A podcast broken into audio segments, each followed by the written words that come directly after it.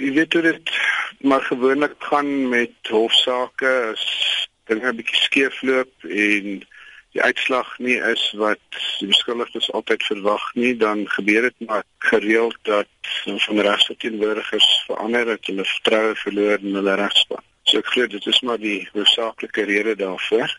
Watter baat kan 'n beskuldigde wat op die punt staan om gefonnis te word, klaar skuldig bevind is, vind by nuwe regsverteenwoordiging? Wel, die moontlikheid daarvan om uh, vas kyk na die saak te en te sien wat moontlik skeef geloop het. Daar's aansoek om verlof om te appeleer wat nog voorlê wat gehanteer moet word maar op hierdie stadium is die vonnisverrigtinge wat voorlê is iets heeltemal apart van wat nou reeds gebeur het tot op hierdie stadium. So op hierdie stadium is dit sy reg om dan 'n vars regspan te kry om die vonnis aangeleentheid te hanteer. Ek glo dit is duidelik uit die oorkonde van die verrigtinge tot op hede dat die regspan wat hy tot op hede gebruik het nie altyd baie positief ontvang was deur die voorsittende regter ten aansien van sekere aspekte in die saak nie. So moontlik voel hy dat hy dalk benadeel word as gevolg van die verhouding tussen die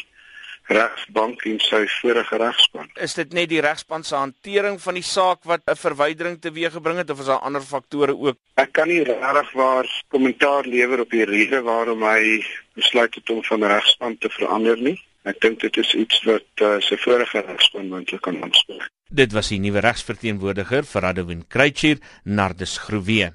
Kruitjie en vyf medebeskuldigdes is vroeër vanjaar skuldig bevind aan poging tot moord en ontvoering. Die saak is gekenmerk deur uiterste veiligheidsmaatreëls wat die staat miljoene kos, blykbaar nie sonder rede nie. Kruitjede het al menige plan gemaak om te ontsnap. Die eerste poging is in September ontbloot toe selfone en 'n pistool in sy sel ontdek is. Daar was ook vrese vir die veiligheid van regter Colin Lamont wat daartoe gelei het dat hy onder 24 uur beskerming is. Die nuwe wending in die saak kan beteken dat die onkoste vir veiligheidsmaatreëls nog hoër kan word. Ek is Isak Du Plessis vir SABC nuus.